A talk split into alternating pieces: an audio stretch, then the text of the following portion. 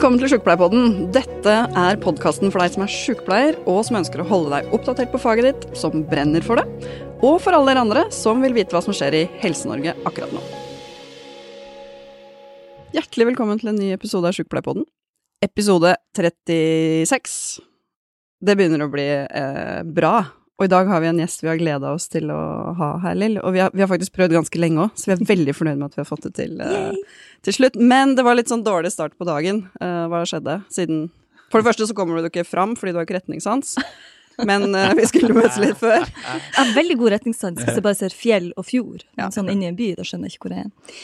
Nei, du, jeg var forsinka i dag for at jeg var egentlig ferdig dusja og var på tur ut. Jeg skulle bare liksom fikse litt på de neglene mine som ikke så ut med neglelakkfjerner. Og så satte jeg det på noen hyller hylle litt opp, den neglelakkfjerneren som var flytende og ganske stor. Eh, men eh, jeg satte den tydeligvis ikke på hylla, jeg satte den sånn ved sida av hylla, sånn at den da tippa over meg. Over kjolen min, over håret mitt og nede på gulvet og ganske mye. Og så begynte jeg å tenke at eh, hvordan er det med aceton, lager det flekker? Det gjør vel kanskje det. Eh, så begynte jeg å tenke på det håret mitt, det var jo lyst, ville det bli grønt? Altså, jeg, jeg, var ikke helt sikker på det, så jeg tenkte jeg måtte iallfall dusje og hive de klærne på vask. grønt hår, altså.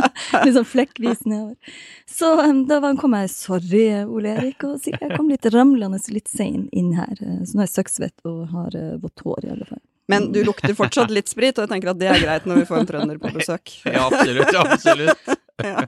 Men Ole Erik Almlid, uh, sjef i NHO en av Norges mektigste menn, har uh, vi skrevet her. Hvordan føler du deg med den uh, ja, det, beskrivelsen? Det var hyggelig å være her. Takk for å komme hit. Uh, og det lukter ikke neglelakkfjerner, sjøl om jeg ville ha følt meg hjemme hvis du hadde gjort det. Ja. og ikke neglelakkfjerner, men den spritlukta kjenner vi jo fra Trøndelag. Nei da, det er, en rar, det er en rar greie å forholde seg til akkurat det. For det er jo, man har en rolle, og så utøver man den, og så er det jo sånn at NO representerer jo veldig mange bedrifter, ikke sant, så sånn sett så er det jo, får jo vi litt innflytelse fordi at vi gjør det. Eh, det, det, men det er veldig rart å snakke om å være mektig. Men, jeg, men, når det er sagt, så må jeg jo si at, at sånne som Lill og jeg, hvis ikke vi har hatt noe makt, så skulle vi ikke hatt de posisjonene, ikke sant, for det er noe med at vi representerer store mm. grupper i samfunnet, og da skal vi jo også ha eh, et ord med i laget når det utøves politikk, for eksempel, fordi at vi representerer mange. Hvor mange representerer du? NHO? NHO har sånn nesten 30 000 eh, bedrifter, ja. Eh, og så har vi sånn ca. 600 000 årsverk, 800 000 ansatte, masse tall, men vi representerer stort sett litt over halvparten av norsk privat næringsliv, mm. og de alle andre de er noen andre steder, og så er veldig mange som ikke er organisert. Så jeg synes det er alltid artig å være et sted hvor jeg snakker med folk, organisasjoner, og Lill i denne sammenhengen, da, som er i det organiserte arbeidsliv, for det er så ufattelig viktig å være organisert. Mm. Så vi representerer jo det organiserte arbeidsliv. Og sykepleiere er veldig gode på å organisere seg. Vi er jo det, det. vi har vel ja. nok over 90 eller noe sånt på. Mm. Jeg tror ikke det er så mange i andre yrkesgrupper som kan skryte av det, altså det er helt Nei, det, uh, ufattelig bra. Det er høyt, ja. ja. Det, også, men det kan jo være også fordi at vi, vi, bruker mye tid på å ikke bare være en fagforening, og det er jo litt sånn som ja. dere gjør òg. Vi er òg en veldig opptatt av å være en samfunnsaktør, en profesjonsorganisasjon. Mm. Ja, for vår del så er det faktisk sånn at selv om vi har Eller det er ganske stor andel av våre bedrifter som ikke er i det tariffsystemene vi har, da. Mm. For, de ikke, eller for de ansatte ikke vil eller ønsker tariffavtale. Jeg bruker å si at de bør ønske det, alle bør ønske det, men det er også fullt mulig å være hos oss fordi at vi er en interesseorganisasjon, og det mm. opplever jeg jo det, vi er jo mye bredere enn bare den ene lille delen, da, som vi ofte ses på i media når det er lønnsforhandlinger og slikt. da. Ja, fordi ofte så er det jo vi ser at vi krangler i lønnsforhandlinger. Mm. Ikke sant? Eh, vi har jo også frontfag. noen Ja, ja. Frontfaget diskuterer vi, ikke minst. Ja, ja. ja. Ja, Vi har jo frontfagsdiskusjonen, selvfølgelig. og Det er jo NHO, ja. NO og LO som på en måte passer på frontfaget. Ja. og eh, Der har vi hatt noen diskusjoner, Ole Erik. Ja, det har vi. Det har vi, og det det er jo, og det er jo ulike måter å møte den diskusjonen på, men vi har nok en overordna ønske uansett hvor vi er, da, på at vi skal ha en, eh, en lønnsdannelse som, sikrer, som, er, som er bærekraftig i Norge, samtidig som vi må ha god og riktig lønn for de som er ansatt i Norge, og det og det skal lønne seg å være organisert, f.eks., som vi snakker om, det tror jeg er veldig viktig. Mm. Og det ene er jo det som kommer fram i media, ikke sant? Der vi, der vi selvfølgelig reagerer på frontfagsmodellen som sementerer den, den lønna vår og det lønnsgapet som sånn sett er mellom, um, eh, altså i kvinnesektor Mm. eh, spesielt, altså tradisjonelt kvinneyrker, sånn som sykepleiere. Men det andre er jo de viktige diskusjonene som foregår uh, uformelt, men også for så vidt formelt, men ikke nødvendigvis i media. Ja. Eh, og det er jo um, vi trenger, å, vi, vi trenger å jobbe med frontfagsmodellen, eller modellen for lønnsdannelse generelt, uansett eh, gjennom, eh, gjennom årene. Både, for det er jo det som jeg og du har prata mye om, eh, det med den symbiosen mellom et sunt næringsliv Ja. og offentlig sektor. Ja. Og jeg husker første gang jeg møtte deg, så tenkte jeg at det her for at Jeg hadde jo laga noe sånn, jeg hadde vært i sånn intervju en eller annen plass, jeg husker Mm. ikke hva, en sånn portrettintervju, og så var det sånn typisk spørsmål hvem du ville møte, eller stå fast i heisen med. Ja, Mm, ja, ja. Jeg vil møte Ole Erik Almlid. Han har. Jeg tenkte å stå fast i heisen med, og så skal vi snakke om frontfag og lønnsdannelse, og hvordan at man får et sunt næringsliv. Man kommer ikke utenom at man Mm. også har offentlig sektor, og det her bør jo han også engasjere seg om. Mann med makt, her bør han Ja, ja, ja, engasjere seg. Og så, um, så møttes vi jo nettopp uh, ut ifra det, den her uh, heisdiskusjonen. Og da møtte jeg jo en helt annen mann som uh, var, ja, jeg er enig.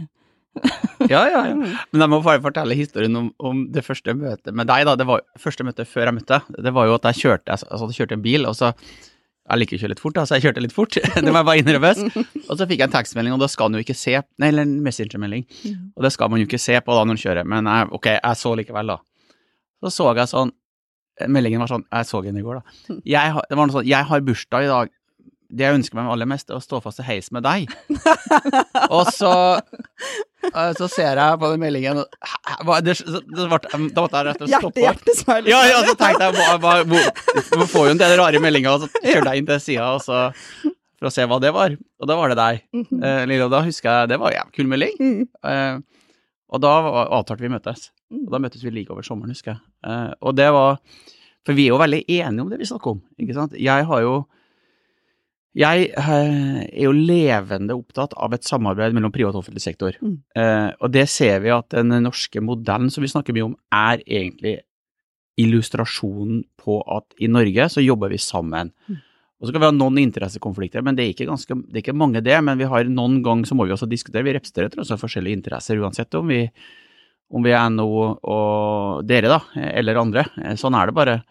Men vi fikk jo veldig fort fant jo tonen på at vi skulle gjøre også noe sammen. Det syns jeg var innmari kult. Så det, og den hei, det, var jo, det var jo ikke Vi satt i peisestua, som det heter i NHO, som er et rom helt øverst, da. Men det var også en fin heistur opp og ned. Vi sto ikke fast da. Nei, vi sto ikke fast i heisen. Det var ikke, var liksom, var ikke bokstavelig talt å sitte fast i heisen. Nei, men det hadde gått det òg, da, men den, den, den virka.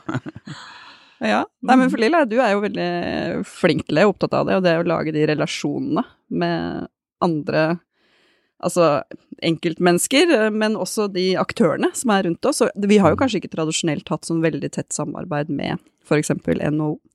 Nei, eh, takk for det første. Eh, ros der til meg. Eh, jeg tenker det er jo viktig nettopp at vi snakker med de folkene som har påvirkningskraft for å bygge det samfunnet som vi alle sammen er en del av. Mm. Og da er det jo ikke det, Som jeg har sagt mange ganger, vi er jo helt avhengig av at vi har et sunt næringsliv. Vi er fra nord, ikke sant. Du vil ikke få det til å fungere rundt om i hele landet hvis du ikke har et sunt næringsliv også på mer rurale strøk og Mm. områder som er fra Balsfjord. Um, og da må vi selvfølgelig også snakke med de folkene som, som driver det. Men det er klart at når jeg begynte å, når jeg hadde hatt her portrettintervjuet og beskrev at jeg hadde lyst til å stå fast i, i, i halsen Det hadde jo vært hardt. Stå fast i heisen i lag med deg, så, så var det jo litt sånn uro i egen organisasjon. Mm. På at eh, nei, NHO dem har vi ikke noe godt forhold til. De har tross alt drevet på med lockout av uh, våre medlemmer i forbindelse med streik, så nei, dem skal vi ikke snakke noe særlig Mm. med. Så tenker jeg at ja, den, den fortellinga kan du gjerne si noe om lockout, det var før min tid, men, eh, men, eh, men det er klart at det er noe med å ha de hattene på seg, være klar over hvordan hatt man har på seg, og i hvordan spørsmål. For det ene er jo den interessepolitiske, der er vi jo part. Ja. Eh, Men den fagpolitiske, eller ikke minst den samfunnspolitiske delen av NSF, der er vi jo alliansepartnere Yes. for hvordan vi bygger samfunn. Og da skal vi vite hvordan hatt vi har på oss på hvordan øyeblikk. Men fortell gjerne om lockout. Ja, jeg kan bare litt kommentere det. det. Ja, det skal jeg gjerne gjøre. Men det første det at vi Jeg bruker å si at trepartsmodellene som vi snakker, eller norske modellen, kall det hva du vil, da, Mm. det er egentlig en modell for å håndtere uenighet, ikke enighet. Mm. Det er det, så det er derfor at vi, i motsetning til veldig mange andre land, så klarer vi å håndtere uenighet i et system, Mm. ikke sant? Mens vi på mange andre områder da klarer å være enige, for at vi klarer å håndtere uenigheten. Og Derfor så, derfor så syns jeg den modellen er veldig bra. Og så er det noen ganger man er uenig, da. Eh, og det var vi jo da, ikke sant. Da hadde man stått tre uker i streik. Dette var faktisk før jeg ble ansatt, så det var, Mm. jeg, var kon, jeg var konstituert, eller var sånn fungerende, da. Så det var jo en veldig, veldig tøff eh, situasjon. Og at vi da valgte, etter lang overveielse, og vi gikk jo ikke i lockout. Hvis vi tok ut lockout, så ble det jo ikke det. Ikke sant? For at det ble jo avblåst med tvungen lønnsnemnd, som, som sikkert dere syns var veldig lite happiness på, da. Så det var jo en tøff situasjon hvor vi Jeg var streikeleder da i eh? Troms. Ja, ja, ikke sant? Nei, vi merka jo på reaksjonene vi fikk, vi fikk jo masse reaksjoner. Eh, grunnen til at vi gjorde det, var jo at det er jo et virkemiddel, det òg, ikke sant? Det er jo ikke så brukt virkemiddel som streik, men det er jo et virkemiddel, og det er kanskje mange andre land har et mer, eh, mer eller annet forhold til det, for de er vant til at det brukes mer, da. Men eh, for å si det sånn, det, det å bruke lockout som virkemiddel, det håper jeg at jeg, jeg håper jeg at jeg ikke kommer dit i min tid hvor jeg må gjøre det. Eh, Men noen ganger så må man gjøre det, og virkemiddel har man til å bruke. Veldig sjelden, forhåpentligvis. Og vi gjorde det da. Eh, Så ble det jo ikke, men eh, i ettertid også tror jeg nok at, at det Hos oss så var det en diskusjon var det riktig eller ikke. Vi, vi syns nok det var riktig å gjøre det, fortsatt. Det må jeg bare si. Mm. Men, men at vi da her nå kan snakke om det på denne måten, og kanskje kommer vi dit at vi ikke trenger å gjøre noe mer igjen nå. Veldig sjelden at vi har de konfliktene med dere, da, uansett. da. Så, så det var Men det var jo ikke noe, det var jo ikke noe artig idé å stå i sånne konflikter. Men noen ganger, det følger med jobben. Ja, og det er jo disse hattene da, som uh, Lill beskriver, som kanskje er vanskelig for de fra utsida å forstå. At eh, vi både liksom kan stå i ganske steil konflikt og, og bruke ganske tøffe ord mot hverandre, men samtidig å finne sammen på helt andre områder. Og der er jo egentlig LO og NO er jo, dere er jo virkelig kanskje det beste eksempelet på det, som i årevis har vært så tette, ikke sant, men samtidig også står veldig steilt mot hverandre innimellom.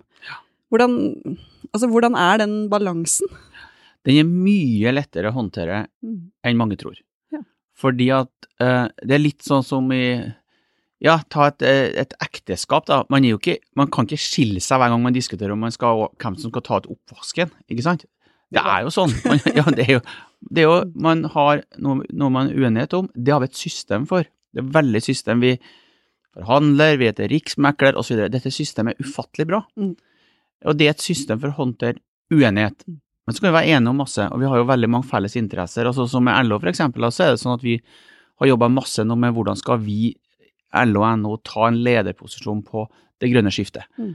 For hvem skal gjøre det hvis ikke vi skal gjøre det? Vi må gå foran for at vi som eh, arbeidstaker- og arbeidsgiverorganisasjon må vise vei. Det er lettere for politikerne å følge etter. Jeg tror vi er altfor passive på klimapolitikk i Norge. Mm. Vi må ta lederrolle på det, og da må vi på vegne av bedriftene Lill beskriver jo akkurat det at vi at bedrifter er jo på mange vis livsnerven i veldig veldig mange, mange deler av Norge, eller mange kommuner. Vi er jo fra distriktskommuner begge to, og vi vet jo at om bedriften går bra eller dårlig, er et spørsmål om den, det samfunnet går bra eller dårlig. Så vi må jo lede an i den type ting. Og vi må si at ok, nå skal vi stå sammen om å utvikle denne grønne industrien. Det kan LO og NO være veldig enig i. Og jobbe sammen Mm. mer enn noen gang. Så kan jeg, men så kan vi gjøre det samtidig som vi går og forhandler om lønn, eller er hos riksmekler. Og det er en veldig fin modell. Og det, og, men det fordrer en par ting. Det fordrer at det er en gjensidig respekt for hverandre. Og at man, at man kan eh, respektere også eh, den ulike interessen man representerer, da. Mm. Og jeg opplever jo, akkurat sånn som med deg, Lille, opplever at vi har god relasjon. Vi kan snakke sammen, ha det morsomt. Men så skal vi også ta på oss den rollen av og til at vi kan være uenige. Mm. Det er det er litt sånn som det skjer i norsk politikk. Altså Erna og Jonas kan jo krangle så det virkelig Mm. smeller, men de har jo utrolig stor respekt for hverandre. Mm. Og det skiller Norge fra veldig mange andre land. Det er jeg veldig, veldig stolt av å være en del av. Vi klarer å skille mellom de to tingene. Mm. Og så Silje, det her er jo noe av det som vi også har pratet om helt fra begynnelsen av, som forbundsledelse og med forbundsstyret for denne landsmøteperioden, er jo det å se på nettopp de alliansepartnerne, for at det er det, oppleves virkelig som å stå på en litt sånn tipping point. Altså det er klima er én ting, det å bevare de offentlige helsetjenestene er en annen ting. Det å ha en beredskap eh, knytta til landbruk, f.eks. Mm. rundt om i landet. Altså det er så mange ting som er også litt sånn tipping point. Og så er vi et rikt eh, nordisk land med alle muligheter. Vi har høy tillit, vi har eh, teknologi, vi har liksom, gründerbedrifter. Vi har så alle muligheter. Mm. Og da må vi også altså, være i lag med de folkene som er drivende dyktige, og som ser muligheter for at vi kan jo òg, ikke sant Noen ganger blir vi jo tatt på det at dere bare klager, dere bare forteller om alle problemene. Og det er jo også vår jobb, vi må fortelle noe. Mm. Det er min plikt, din mm. plikt, sant Silje, som å fortelle noe om de problemene som sykepleiere, spesialsykepleiere, jordmødre står i. Men vi må òg ha de her møtene som er drivende for å se på hvordan, hvordan kan vi gjøre det her, og hva er løsningene. Jeg sitter jo ikke med dem alene, det gjør vi jo ikke i NSF. Vi sitter ikke med løsningen alene, vi sitter i lag med mm. de folkene rundt, eh, rundt, rundt, bordet på ulike vis, og der er jo du. Og så må jeg jo si at jeg syns du er en utrolig fin fyr, og den gnisten som er på den her uh, duden her, ikke sant, som bare Ja, men du har Du minner meg om ei veldig nær venninne av meg, Annelise, som bruker å avslutte mine setninger, og motsatt, ikke sant. Sånn at det liksom hele tida Jeg, jeg skjønner Godt samkjørt. ja, men du er litt sånn, du òg. Sant. Utålmodig beskriver du det som, men dermed så har du også Du skjønner hva jeg har sagt før jeg har fullført setninga, og så er du videre på neste. Men det, det, er derfor vi går så Nå hadde jeg faktisk tenkt jeg skulle skryte av Lila, men ikke fordi at du sa det, men jeg har tenkt for at du Det må jeg bare si, for vi, vi matcher hverandre på, det, på, dette. Vi snakker sammen, og vi klarer å skille, skille rollene vi har, avhengig av hvilken situasjon vi mm. Men jeg syns måten du og dere håndterte koronaen på, gjorde det noe med folks Jeg tror noe Altså, det er jo ingen tvil, dere representerer en yrkesgruppe som er mest populær uansett, ikke mm. sant? og det er en grunn til det. Virkelig. Mange opplever å møte sykepleiere i en fase i livet hvor man trenger hjelp, og profesjonell hjelp. Eh, og, og, du Måten du sto fram på i koronaen, var utrolig bra. Jeg tror du skapte en, en ro og trygghet hos folk, samtidig som du var tydelig på at nå må de som er over dere, da, ikke sant, og bestemme hvordan, hvilke rammevilkår dere skal også skjønne at det koster noe å ha flinke folk. Og så husker jeg, så, og det har jo vi snakka veldig godt om. Nå har vi jo et felles arbeid, blant annet. Vi skal se mm. på hvordan eh, vi kan bruke også teknologi til å utvikle enda mer løsninger som gjør at det å være f.eks. sykepleier, da, eller det å drive bedrift, at du kan utvikle gode løsninger sammen slik at det er lettere å være sykepleier. Men du var veldig god i dette arbeidet, og gjorde også eh, sykepleierne mer synlige på litt andre områder i samfunnsdebatten. Det, så det gnist, når du apropos gnist, det gnistrer, og det liker jeg veldig, veldig godt. Men du må også si ifra når du er misfornøyd. Det, jeg, det må folk ønske at du skal gjøre. Hvem skal gjøre det hvis ikke dere gjør det? På vegne dere må gjøre det. Dere representerer en kjempeviktig gruppe, en gruppe som kommer til å Altså, altså hvor mange trengs det ikke eh, av sykepleiere framover? Dere har jo snakka mye om det. Og, 28 000. Ja. Ja, ja, og, Neste 14 år. Ja, det, ja, ikke sant. Og det er enormt mange. Og det, det skal skje samtidig som vi trenger mange andre grupper. Vi har, kommer til å få et problem i Norge med at ikke vi ikke får folk mm, mm. inn i de yrkene vi trenger å ha folk inn i. ja, for dere også kjenner på den mangelen på kvalifisert arbeidskraft, ikke sant? Ja, vi kjenner på det. Mm. Altså, For ett år siden så var, det, var hovedproblemet i norsk næringsliv koronaen. Mm. ikke sant? Naturligvis. det er sånn. Men nå, uansett hvor jeg er nå, så er det kompetanse folk snakker om. De mm. mangler yrkesfagskompetanse, de mangler eh, master innenfor mange fag, de mangler doktorgradsutdanna toppfolk som skal være med på å etablere batterifabrikker i, i mm. Norge, osv., osv. Så, videre, og så, videre. så jeg er litt redd for at ja, den, den regjeringen de, de, har tre uker, så vi skal ikke snakke, snakke, så mye om regjeringen. Men jeg var overrasket over at de ikke hadde et større fokus på hvordan de skal bygge kompetanse i Norge. I det, i det som kom nå i reviderte eh, statsbudsjettet. Litt også syns jeg var litt pinglete i plattformen. Så, så vi, og der er jo, er jo, Lill og jeg helt i samme båt, vi trenger å få utdanna de som skal utdannes, riktig sted. Vi trenger at de som er utafor arbeidslivet, og det er noe av det som gjør meg mest lei meg, det er at jeg ser så mange som ikke er i arbeidslivet, som burde ha vært det. Mm. Vi sier at folk er syke altfor fort. Det er faktisk veldig mange av dem er ja, kanskje er de syke fordi de ikke har jobben, hjelp dem inn i arbeidslivet. Eh, og så må vi passe på at de som er i jobb, også etter og etter å videreutdanne seg, slik at de kan gå videre til en ny jobb. Det er også en utfordring for oss, da, ser vi. Så ja, dette er kjempeutfordring, men da må sånne som oss jobbe sammen om det. Og der må vi jobbe med at politikerne skjønner det, for at det å jobbe med kompetanse, det er ikke gjort over natta. Det er et langsiktig arbeid. 28 000, det er ikke gjort over natta.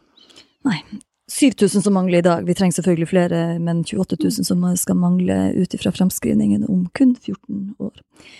Ja, ikke sant. Det, um, jeg hadde lyst til å si litt mer om det, for det er jo, det er jo nytt. Vi har ikke gjort Ja. noe sånn før, at vi har et sånn fellesprosjekt på, med NHO og NSF i lag, som da um, i samarbeid med InFuture og Mm. Menon um, gjør, så vi skal skape en rapport som sier noe om tek teknologimulighet og teknologiutvikling i, um, i, i, i landet. Ja.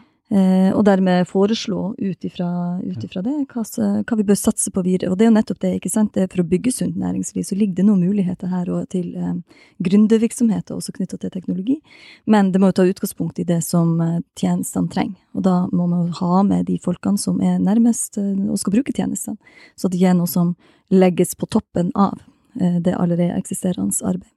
For teknologi er jo ikke noe annet, det liksom, vi snakker mye om digital transformasjon, og hva er det? Teknologi er jo ikke noe annet enn noe type verktøy Nei. som endrer arbeidsmåter. Altså sykepleie er jo det samme uansett om det er Florence Nightingale for 170 år siden, eller om Mm. det er Silje Nausvik i, i dag. Men teknologien er med på å endre arbeidsmåter og arbeidsprosesser. Og de arbeidsprosessene må styres og ledes, og da må vi vite noe om det og gå inn i det med, med kunnskap. Så jeg syns, eh, jeg syns det var en eh, utrolig artig greie som vi fikk til, og som vi da skal presentere etter hvert i høst. Det blir veldig spennende å høre. Ja, jeg gleder meg veldig til det. Og jeg, for det første så tror jeg i seg sjøl et veldig viktig signal at vi står sammen om å gjøre det arbeidet. Og så tror jeg det vi kommer til å se i dette arbeidet, at det avdekker store muligheter til å jobbe sammen, også apropos det vi snakka i starten om privat og offentlig. Veldig mange av de bedriftene vi har, vil jo være med på å utvikle den teknologien, slik at det er enda lettere å få gjort jobben. Og vi snakker om å bruke teknologi til å, til å gjøre de jobbene som vi ikke trenger å gjøre manuelt, for Mm. eksempel. Det, det kan være apper som gjør det enklere, det kan være mekanisk teknologi, det kan være eh, å tenke annerledes på verdikjeder. Mm. Det er viktig med dette at det kan være et godt samarbeid som skaper bedre liv for veldig mange av dem som skal bruke dette. Og ikke bare de som skal jobbe med, men de som også kommer til å, å være de som skal ha hjelp. Og, og det som jeg tror, Du sa også, Lill, jeg husker første gang vi snakka om det, hvis vi lykkes med dette, så kan vi også eksportere løsninger og måter å jobbe på. Ikke bare, og ikke bare tekniske løsninger, men også prosesser. Mm. Det er viktig, og der går vi nå foran.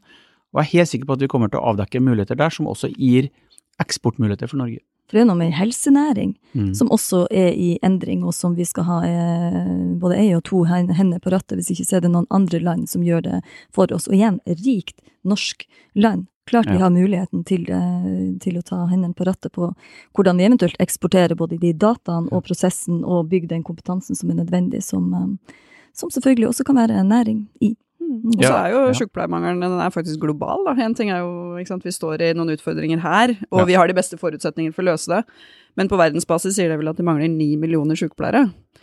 Eh, det er jo litt sånn hvis vi, hvis vi tenker at vi skal oppnå bærekraftsmålene, ja. helse til alle innen 2030, så har vi jo en ganske formidabel jobb. Og da den eh, erkjennelsen av at man faktisk må stå sammen og se på hva er løsningen, det tror jeg er viktig for både sykepleiere og pasienter, som det blir sagt. Men dere er veldig Det det, er et veldig viktig poeng. Og i, i går så var jeg på Elverum. Jeg kjørte forbi Løten. Stoppa på Løten, Silje. Høres veldig trivelig. Ja, veldig trivelig. Ja, For Løten er det alltid trivelig. Akevitt. Ja, nei, ja, jeg er veldig glad i akevitt, men jeg kjørte da, så, så Men jeg drikker ofte akevitt når jeg har sjansen til det. Gode lag. Men jeg var på Elverum, eh, og da holdt jeg et, et foredrag om dette med muligheter, da, sånn som du var inne på, Lill. Og da sa jeg det at nå var det ikke Det var mye bedriftsledere og sånn, og så sa jeg men dere må, dere må hilse Dere må snakke med de hjemme som er eh, i en posisjon nå hvor de kanskje skal vurdere hvilken utdanning de skal gå på. Mm. som dere snakker rundt dere. Og så sa jeg at vi, har to, vi har to enorme utfordringer i verden. Vi må skape nok jobber til folk, det, det sier seg sjøl. Nå er det faktisk sånn at vi må heller, det må vi gjøre, men vi må også sikre at de som er i posisjon til å komme i de jobbene, er kvalifisert for det. Så skal vi løse klimautfordringen, og så skal vi sikre at vi tar vare på folk. Mm. Eh, Og hvis at du, jeg, hvis at du har en ungdom hjemme som tenker ok, hva skal jeg gjøre i livet mitt, kanskje har lyst til å jobbe med å, å redde liv, eller kanskje har lyst til å jobbe med å redde kloden, så gå teknologiutviklingen og vær med på å utvikle klimateknologi og teknologi for helse. Mm. For at hvis du gjør det, så er det sånn at den mangelen på ni millioner, den kan, kan jo gange opp hvis du går mange år fram i tid. Så kan teknologi hjelpe oss å gjøre det. Ja. For er det noe vi har lært av, av de siste to-tre årene, ja, så er at klimautfordringen er mye større enn vi har trodd, Mm. og helseutfordringen er mye større enn vi har trodd. Så det å jobbe med teknologi, så er jeg helt sikker på, Lille, at når vi kommer med dette arbeidet vårt, så vil vi også få en god debatt i Norge på hvordan vi skal ta teknologi og helse videre, og eksportere. Så jeg, nei, jeg synes, og det var utrolig kult at vi skal gjøre det. Jeg. Jeg digger det. Og så er det noe med, ikke sant, vi har de store miljøene, uh, Silicon Valley for eksempel, er et stort miljø, ikke sant, som er å utvikle teknologi, framtidas uh, teknologi. Men uh, som vi har pratet om, hva er det vi kan få til her, så hvordan kan vi lage Silicon Valley i, uh, Ja. i, det, i, i Norge? Mm. Og vi har pratet om Nordkapp etter vi var i Troms og Finnmark, ikke sant, om eh, Nordkynn og Honningsvåg da. Tenk om det kunne vært sånn at se til nord, Ja. Eh, Så istedenfor å reise til Silicon Valley, der du kan for så vidt se på framtida, så kan du reise til eh, eh, Honningsvåg, og så kan du Ja, se på hvordan teknologien brukes i dag. Ja. Hvordan er det vi kan se for oss at de neste ti årene, sånn at du lager de her eh, eh, gathering, altså på, inn- innenfor der vi faktisk trenger det. Mm. Eh, her og nå. Ikke bare planlegge for det vi trenger fremover, vi må gjøre det her og nå med det som vi allerede vet Ja. fungerer. Sånn, og der skulle jeg gjerne ønske at. NHO også var pådriver på bedriftene på, på å sørge for at kommunene gjør innkjøp av alt av sensorteknologi, ikke sant, Ja. som maktposisjoner som bedriftseierne også har eh, rundt om i kommunene. Ja, å, den, den, den tar vi. For vi, vi har jo Det er veldig mange av våre bedrifter De er jo opptatt av samarbeid med kommunene Mm. og fylkeskommunene. Eh, men også staten? Så, så vi snakker veldig mye om staten, men veldig mye av det som skal skje i kommunene framover, er faktisk i samarbeid med, med privat næringsliv. Og jeg sier alle bedrifter er i en kommune. Og vi som kommer fra en del av landet, og det gjør jo du også, Silje, for det er jo en liten kommune Løten nå. 7000 flotte innbyggere. Ja, ja, ja. ja jeg kjenner mange. av dem. Eh, vi, vi, må, vi må få bedriftene til å jobbe godt sammen med kommunene. Mm. Og spesielt der ute ut i distriktene, så dette er faktisk nøkkelen til å få til veldig mye. Eh, Og det å kunne da i denne arbeidet vårt også synliggjøre hvilke muligheter som finnes der i dag òg, det, det må vi få ut. Det tror jeg. Så kan vi bruke våre For vi, har- vi og dere er jo til stede regionalt. Så vi må bare jobbe med å vise mulighetene. Så kunnskapsbase først, og så må man gjøre. Ja. Der tror jeg vi er veldig like på den. Ja, Vi må gjøre. gjøre, Men det er veldig bra med litt utålmodighet, fordi virkeligheten er jo Fordi nå høres det jo kanskje ut for de som lytter at vi har kommet ganske langt på teknologi i helse. I noen, i en viss grad har vi selvfølgelig det, men, men det er fortsatt faksmaskiner på de aller fleste vaktrom. Helsesykepleiere og skolehelsetjeneste har ikke engang en PC nødvendigvis. Nei, ikke sant? Og det, Nei, det er jo helt håpløst, ikke sant? Mm. Altså, det, det, det, dette tror jeg faktisk Hadde en bare gjort, brukt de mulighetene man har i dag, som kommer veldig langt. Men det får vi synliggjøre, da. Så jeg tror nok at veldig, veldig mange har behov for å bli oppgradert. Dette er også et økonomisk spørsmål. Jeg mener at er det noe virkelig man skal gjøre i staten, eller ikke staten, men presis regjeringen må gjøre det, så er det også å investere i teknologi. Man må heller investere i teknologi for å få ned kostnader enn å holde på med mye av det småplukket man holder på med nå. Men da må man tørre å investere i teknologi og i, systemer, prosesser. Og så må du ha en sånn type showroom. Altså Ja. de pilotene, en her, en der, ikke sant. Men du må ha en sånn type showroom der du kan fare til en kommune eksempel og se, ja men sånn kan det faktisk fungere. Ja. Hvis man får det til med de, dem som alle, de, den teknologien som allerede er pilotert, som er forska på, som det er rapporter som viser, og det er jo nettopp den rapporten som vi også lager, for å, og så må vi, kanskje må vi etablere det showroom. Ja. Showroom, rett og slett. det er, fordi det er jo masse piloter. Vi har, altså, vi har jo snakka om pilotsyke, ikke sant. Vi piloterer og piloterer og piloterer, men det vi ikke får til er å skalere. Ja. Mm. Og det er jo fordi vi mangler den, de pengene. Eh, kommunene de sier jo at de har jo ikke penger til dette. De, de, det kan jo hende de har, da, hvis man hadde omprioritert, men det prioriterer de ikke, det vet vi. De har, Mm. litt, de har ikke mye penger, veldig mange. De, kommunene har egentlig ganske dårlig økonomi sammenlignet med Mm. mange andre, da. Men det som er litt synd, syns jeg, da, det er at hvis du har en bedrift, så gjør du investeringer for å kunne hente gevinsten om noen år. Ikke sant? Og det er derfor at det, det er derfor det er så viktig at vi har bedrifter som er f.eks. i eksportmarkedet, for at da konkurrerer de hele tiden med andre som gjør det.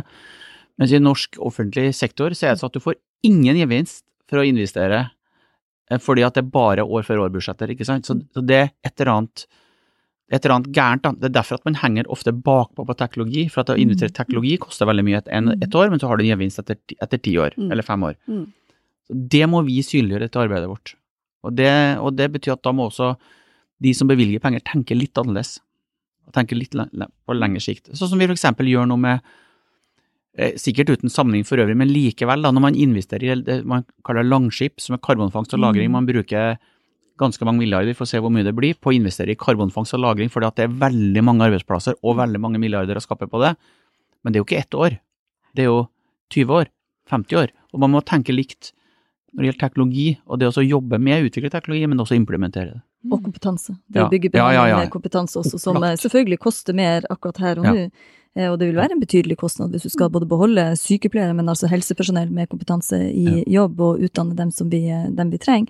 Men altså, det har en eh, langsiktig verdi. Ja, det, dere, Lill sier nå, er faktisk nøkkelen. hvis man, Mm. det, det, Jeg håper ikke at folk går og husker det jeg skal si nå, men hvis man likevel husker det, så var det sånn at når man innførte den der fire, eller handlingsregelen, hvor man Mm. tar eh, antall milliarder ut av eh, oljefondet basert på en sånn handlingsregel som var eh, 4 nå er det 3 Mm.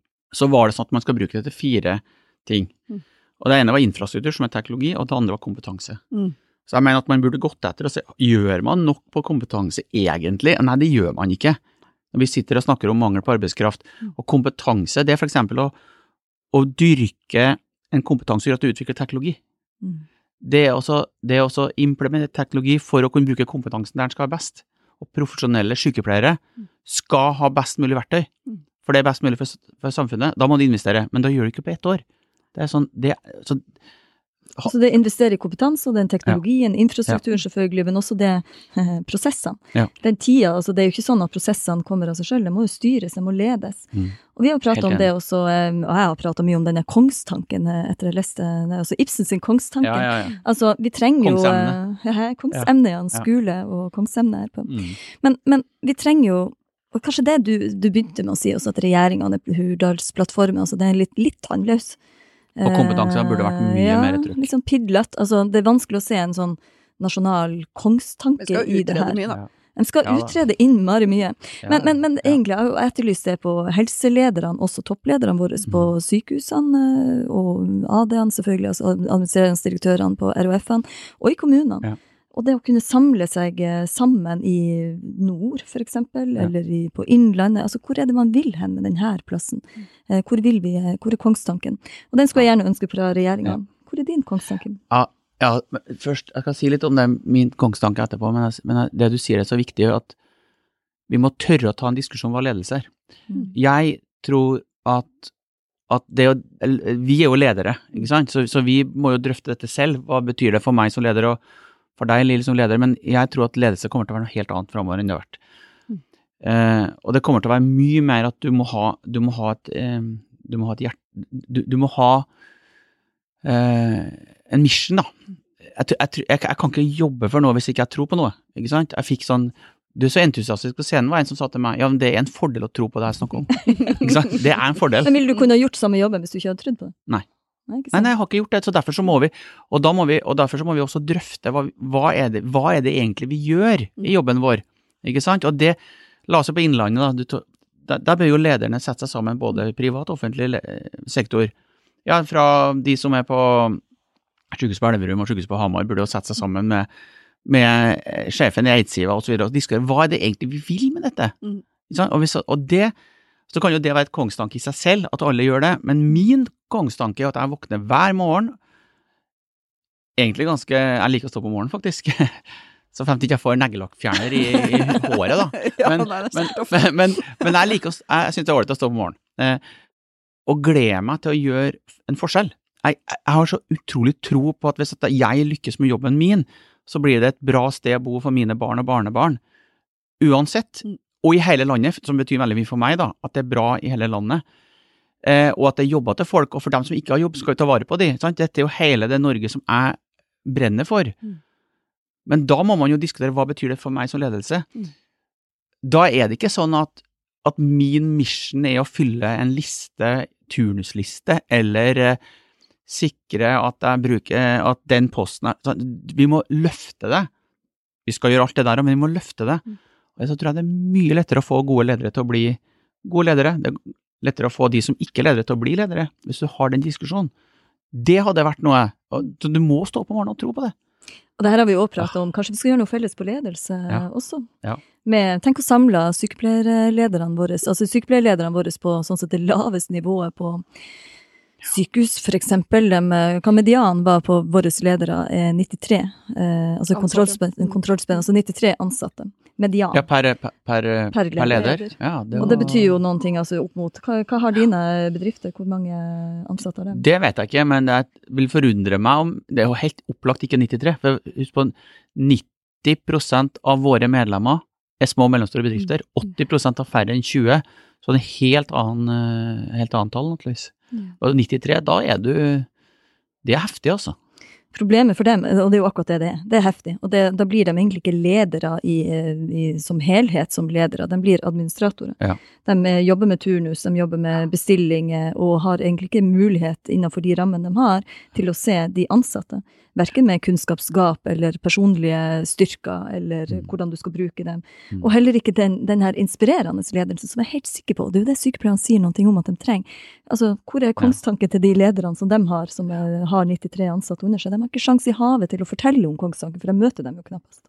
Nei, nei, ikke sant. Og mange av de har det jo i seg, sannsynligvis, men får ikke tatt det ut. ikke sant? Så det vi må gjøre, er å bygge ledelse som Vi må diskutere ledelse i Norge. Eh, og, og spesielt, og klart det største arbeidsgiveren i Norge er jo helseforetakene. Så eh, Helse Sør-Øst er vel eh, ikke 70 000 ansatte? Eller noe sånt? Jo. Jo. Det er helt Mm. enormt, ikke sant? Så Mm. klart man må diskutere ledelse. Dette er jo Det å se folk, sånn som du snakker om da, Lill, er jo viktig. Jeg har jo Jeg synes den perspektivmeldingen til regjeringen skal man heller ikke bruke lørdagskvelden på å lese. Men, det, men hvis man leser den en mandag, og gjerne ta en akevitt samtidig, for det er litt lettere å komme seg gjennom. Vi har hatt den som tema på podkast. Ja, ja, ja, ikke sant? Men, men, den, sier, men sier mye, men det, det som, og det er egentlig ganske godt lesestoff for de som eh, skal styre Norge. Men det er en ting der som jeg syns er veldig eh, viktig å legge, legge seg på minnet. Og det er ikke engang eh, sånn poetisk, eh, sånn poetisk jåleri, det er beskrevet veldig tydelig at vårt gull i Norge, ikke oljefondet, jo det er veldig bra at vi har det, det er ikke alle verdiene verdien av husene og mineraler og ditt og datt, selv om det er bra vi har det, det er verdien av folk. Det er 75% og det er jo sånn typisk Finansdepartementet har beregnet at 75% av vår beholdning er folk. Hm. Og hvis at vi er like opptatt av å behandle folk som vi, som vi ser på aksjeavkastningen på oljefondet, hvis vi hadde vært like opptatt av å sett på det når det gjelder folk, så hadde vi antagelig fått utrolig mye mer ut av det. Og det er, betyr å se folk, se at folk er forskjellige, eh, bli enige med folk hva vi skal gjøre, eh, gi ros til de som gjør det, rettleie de som ikke fikser det.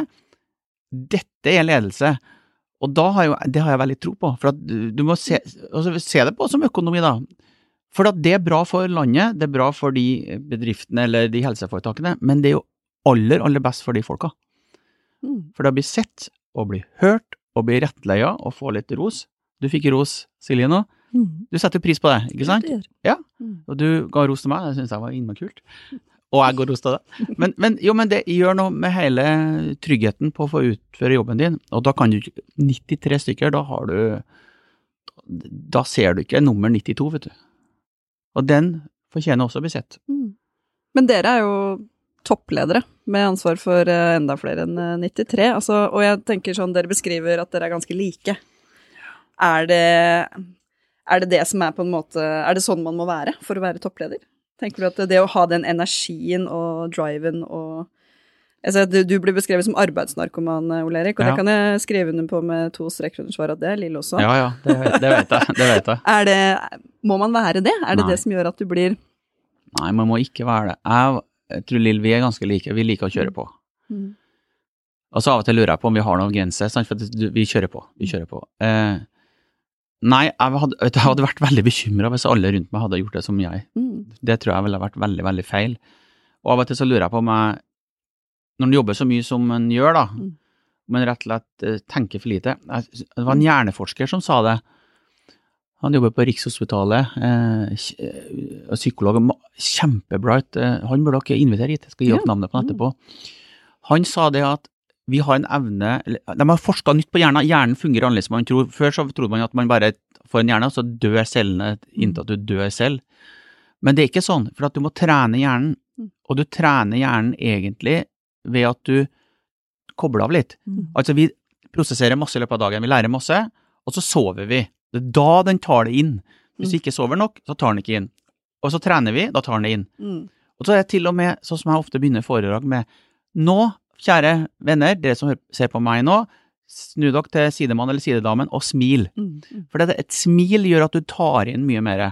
Og sånne som oss, da, som arbeidsnarkomaner, trenger også å koble av, og vi trenger kanskje å la våre omgivelser også se at vi kobler av litt. Mm. Vi trenger til og med at kanskje våre omgivelser får lov å koble av med at vi ikke er der av og til. så så, så jeg vil ikke at alle skal bli arbeidsnarkomaner. Det vil jeg Jeg bruker jo å, eh, jeg bruker jo å si av og til eh, Silje om at eh, Vet du, jeg tenkte på i natt, og da er det jo akkurat det. Da har jeg ligget og sovet, og så har jeg våkna og så tenkt ja, men det er jo sånn vi skal gjøre det. Ja. Da har jeg prosessert, ikke sant, Ja. og så har jeg hvilt, og så har jeg tenkt at alt det som jeg har lært i løpet av denne dagen, da kommer det frem i en slags løsning på natta. Mens ellers har jeg tenkt på um, ja, det er sånn der um, Jeg klarer ikke heller å huske den boka, men jeg har en sånn bok om sånn tenkehatter. Uh, og det samme tenker jeg med, med, med ledere.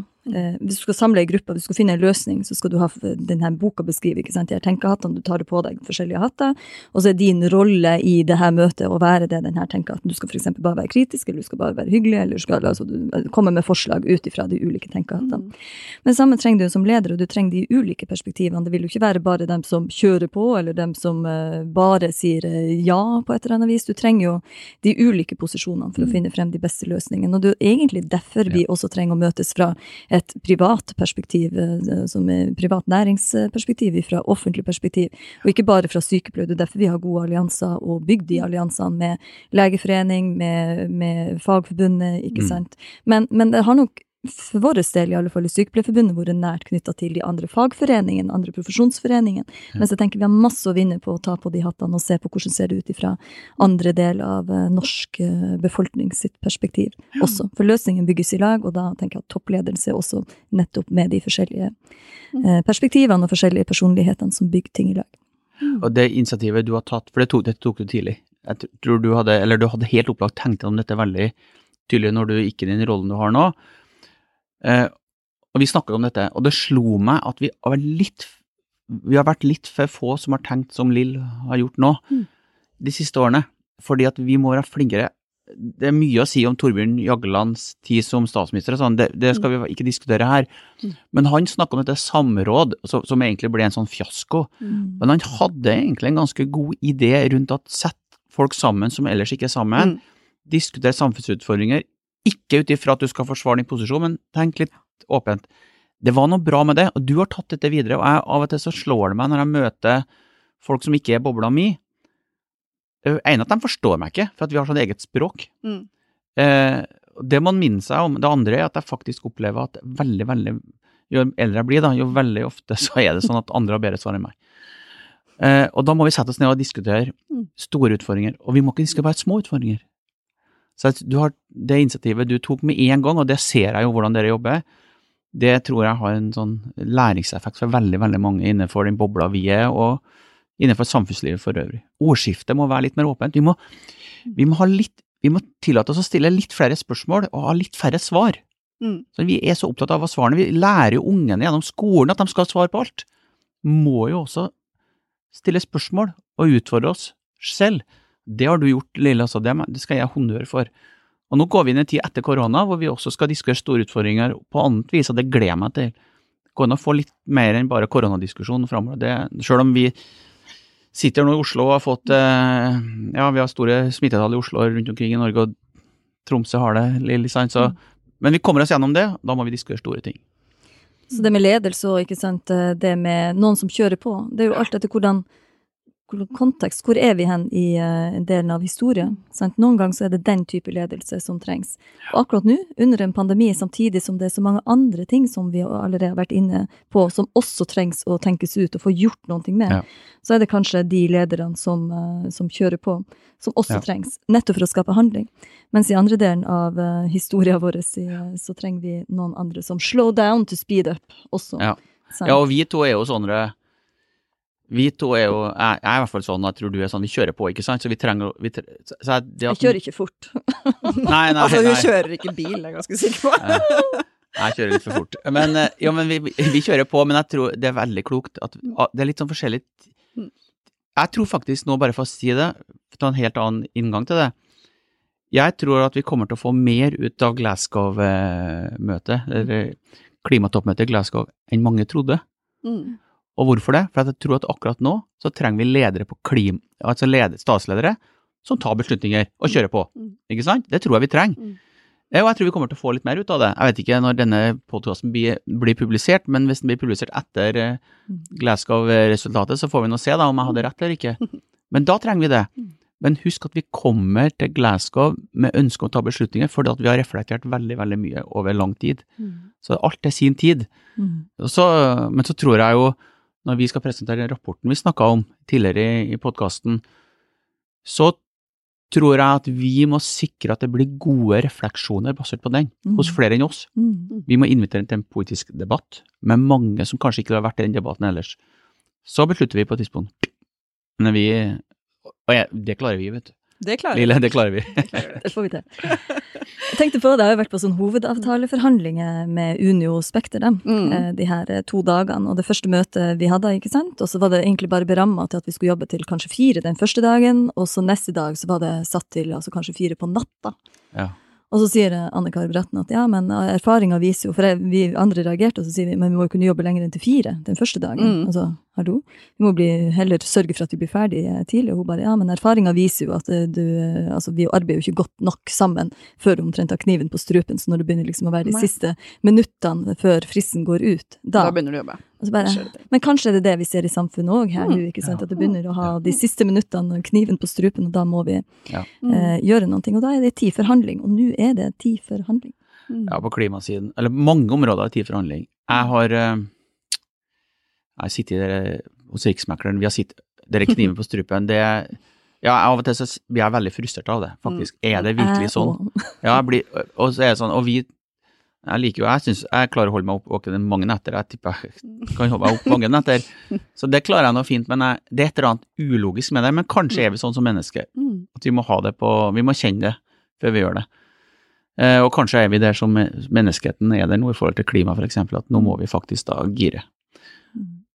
Så ja, nei, uff. Det, men vi har sittet i det der Vi sitter jo også i hovedavtaleforhandlinger nå med LO. Mm. Vi, vi er ikke gode på Dette er vi ikke gode på, altså. Eller kanskje er det sånn. Jeg, jeg fatter ikke vi skal så, ta så store avgjørelser, langt på overtid. Fr, mange frustrert, og så gjør vi det. Mm. Dere har snakka med riksmekler om òg. Mm. Må det være sånn? Det har vi jo. Ja. Sånn. Men det, det blir sånn hvert år. Mm, det gjør det. Og så alle de personene som er involvert på så mange timer uten at det egentlig skjer så fryktelig mye Ja, ja. før du kommer på slutt. Nei, det burde ikke trenge å være sånn. Virkelig. Men det er ikke synd på oss, da. Men jeg syns hele systemet er litt sånn. Men eh, det, Nå, nå sånn ble det en eh, litt nerdete diskusjon her. ja, ja, ja, ja. Ta, ta oss Men det er greit. Men dere, vi skal begynne å, vi skal begynne å runde av. Eh, når du ble leder, Lill, så sa du Hvorfor er ikke jeg invitert på NHOs årskonferanse? Har du fått invitasjon i år? Nei. Jeg har fått invitasjon. eh, Jeg har fått to invitasjoner, vet du hva. Og den første så sto det eh, 'Vil du delta eh, fysisk eller digitalt?' Og så trykte jeg på fysisk, Ja. og så fikk jeg noe et eller annet på det. Og så fikk jeg en invitasjon to dager etterpå, da var det kun digitalt. Jo, men alle har fått digitalt. Du skal få fysisk. Du, får fysisk. Jeg får fysisk. I hvert Får jeg lov til å være med på middagen òg? Ja, det skal du få. det skal du få. Men eh, alle som, alle som eh, Alle får digital, Mm. ikke sant? Og så vil alle som har svart fysisk, også få det etter hvert. Okay. Så du er hjertelig velkommen. Åh, jeg gleder meg. Ja, ja, ja. Jo, men det er jo en stor eh, NHO sin årskonferanse, er jo en stor happening. Ja. Det er det. Og i år, eller i januar så blir det kanskje ekstra stor, for jeg tror veldig mange gleder seg nå etter den tida vi har vært igjennom. Da. Så vi gleder oss til det. Og så er det en veldig fin middag. I år, det vet ikke jeg om jeg er kjent ennå, men, men den, er, den er litt kul, middagen i år. Uh, Ja, Ja, men jeg gleder men det er noen ting med at eh, i en, altså NHO sin årskonferanse jeg skulle gjerne være på scenen med det og gjøre noe, noe artig. Og eh, jeg tenker de har jo noen ting å komme med fra Ja, ja. Sykepleierforbundet òg, som er Ja. viktig og nyttig for, eh, for det programmet var lagt for lenge siden. Det, Jeg er, det bare, jeg bare gir deg tips til neste år eller året deretter. ja, ja. Men uansett så er det jo nettopp det å kunne møte de menneskene som vi ikke møter hver dag ellers, vi. eh, i, fra den- Utafor ekkokammeret. Utenfor ekkokammeret. Mm. Og det tenker jeg er nyttig i, både for NHO sine bedrifter og for, eh, for oss i NSF. Så det gleder jeg meg skikkelig til. Herlig. Gjør vi òg. Så bra. Men tusen takk for at du tok deg tid, Ole Erik. Neste gang du er i Løten, så må du komme innom, da. Du kommer til bruket. Det skal jeg, jeg var på bruket vi har, jeg, Min mormor, som jeg sa, er jo derfra. Ja, ikke sant? Så vi var der mye om somrene, vi. Det forklarer mye hvorfor det er så trivelig. Ja, ja, ikke sant. Eller kanskje det er makevitten, jeg vet ikke. Ja, det er ikke vet jeg. Men ja. Eh, Vi må oppfordre alle følgerne våre til å dele podkasten og gå inn på nettsida, selvfølgelig. Og så kommer det nye og spennende episoder utover eh, høsten også. Takk for nå.